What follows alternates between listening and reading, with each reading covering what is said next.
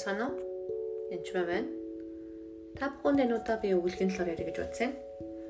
Ер нь бол би өргөлийн талаар нэг их ярьж хичээл заадаггүй хүн л дээ. Гэтэ сүүлийн үед надад надаас нэлээд хэдэн хүмүүсийн талаар асуусан учраас та бүхэнд дуртай гэж бодсон юм. Мата 6-гийн 1. Та нар бусдад харуулах гэж хүмүүсийн өмнө зүгийг үлдэхээс сэрэмжлэхтэн.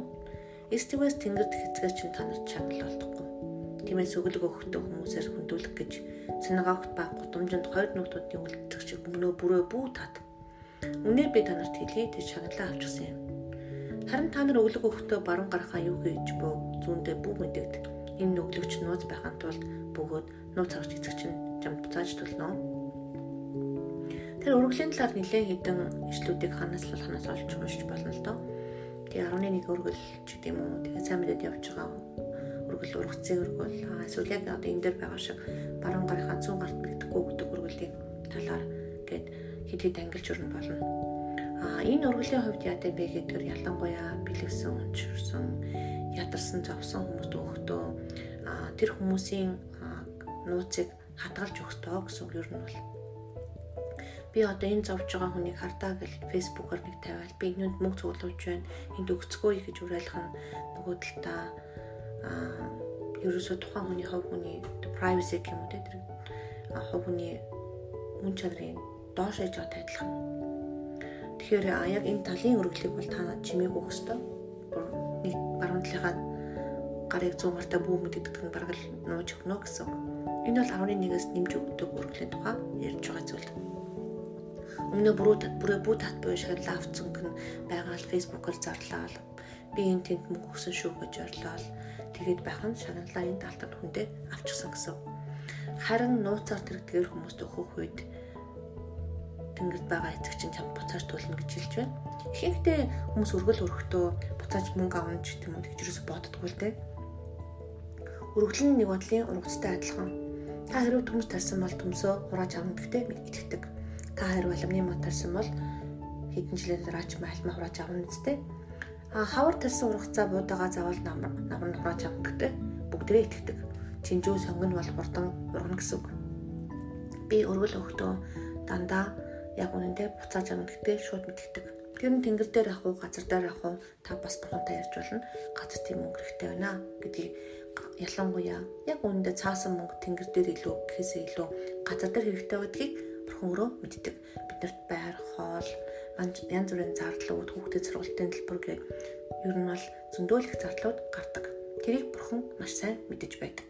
Тийм учраас ер нь шагналыг дэлхий дээр өгдөг. Ихэнхдээ л дээр байгаа мэдээж хөрөмтлүүлэх боломж байгаа юу? Алт мөнгө хөрөмтлүүлэх хөрөмтлүүлж болно. Тэгээд танд сайхан ор тарш бэлтэж байгаа юу? Бэлтэж байгаа. Харин газар дээр бас танд өмнөхөр чанд буцааж төлөх юм байдаг. Тэгээд яг энэ ятарсан завсан өмчсөн бэлэвсэн хүмүүсийг сайн харж хандаад яг тэрэнд эзэн хариу сүнстэй хамт баяр хөөртөгөөр ямар нэгэн одоо нэр хүнд гордохгүйгээр өөх үед үнэхээр бурхан зүйл буцааж төлдөг байгаа. Ихэнхдээ ер нь 2 дахин буцааж төлдөг. Би хэрэг 100 доллар өгсөн бол 200 доллар ямар нэгэн байдлаар өөрийн газраас орчдөг. Энийг нь буцааж өгдөг байх гэж бодож болохгүй шүү. Бүр маш сонин байдлуудаар мөнгө нь орж ирдэг.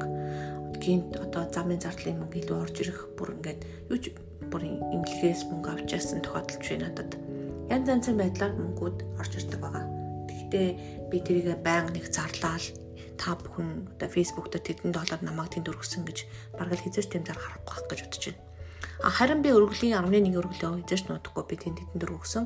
Эсвэл тэр миний 11 өргөлөө тэр сүмдээ өгдөг шүү гэж би хэлдэг байгаа. А харин яг сайн мэдээнд явж байгаа миний одоо сүнслэг хоолыг надад өгдөг хүмүүстэй бол би өргөлийг харин сайн өргөдөг. А тэр өргөл бол ер нь ихэнхдээ л 10 а зарим хүмүүс бол 30 100 дахин өвчдөг гэж хэлсэн. Одоогийн байдлаар би нэг 30 100 дахин өрчүүлж одоохондоо мэдэхгүй. Гэтэ ер нь 2-оос 10 дахин өрчдөг гэж хэлж болно. Тэгээд тэдгээр хүмүүс өргөөд буцааж авч байгаа мөнгө харах юм бол би аа энэ хүн бол үнэхээр бурхны ажлыг хийдэг хүн байна. Ингээд бурхан намайг шагнажин гэдэг мэддэг. А харин буцааж авч байгаа ч юм уу ургацаа авч байгаатай л адилхан. Миний өргөл бол яг миний ургацтай адилхан. А та өөрийнхөө сүмж болгонд сүнслэг хоолоо олж иддэг тэр сүмж болгонда өргөл өрхөөс гадна бас христийн биед босгон байгуулахад зориулсан ялангуяа сайн мэдээний хүмүүс ялангуяа танд сүнслэг хологж байгаа хүмүүс, таныг менторлж байгаа хүмүүс, аа таныг одоо юу гэдгийг туслаасаа гэж хариу сүнс сануулсан хүмүүст бол та өргөл өргөж явах хэрэгтэй. Аа тэгээд ер нь та таны санхүү мөнгө болохгүй байгаа ч юм уу? Цорхотой их зардалтай. Ер нь л та өөр авлага ихтэй энэ төр байх юм бол та өргөж эхлэх хэрэгтэй шууд. Баяр баясгалантайгаар өргөж эхлэх хэрэгтэй. Өргөж эхлэхээс өмнө бас уучлаагүй бүх хүмүүсээ боломжоор уучлах хэрэгтэй ер нь бүгдийг нь уучлах хэрэгтэй хүн үлдэх ер нь ямар хэрэг байна те. Аа тэгээд өргөлөө өгж эхлэх хэрэгтэй. Итгэмжтэйгээр өргөл өргөж эхлэх үед ер нь бол 10% минимум өргөлд үнэхээр сайн байдаг. Аа тэгээд гихтээ нэг юм бодох хэрэгтэй. Өргөлөө өргөөгүй байсан гэд бурхан чамайг шийтгэн гэдэг юм уу? Тийм бодлууд бас байж болохгүй. Яагаад гэвэл бурхан танд үнэхээр хайртай. Үнэхээр хайртай гэдгийг эзэж мартаж болохгүй шүү. Гэхдээ энэ таны бүх мөнгө, түүний бүх орлого бол 100% бурхных.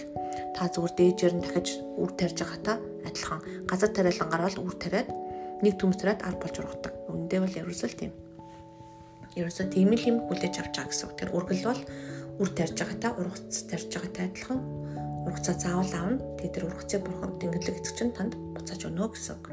За тэгээд үнэхээр танд амжилт хүсье. Тэгээд өргөлөө бас өгцгөөгөөрөө нөө үхэн авахаас илүү ерөөлтэй. Амен.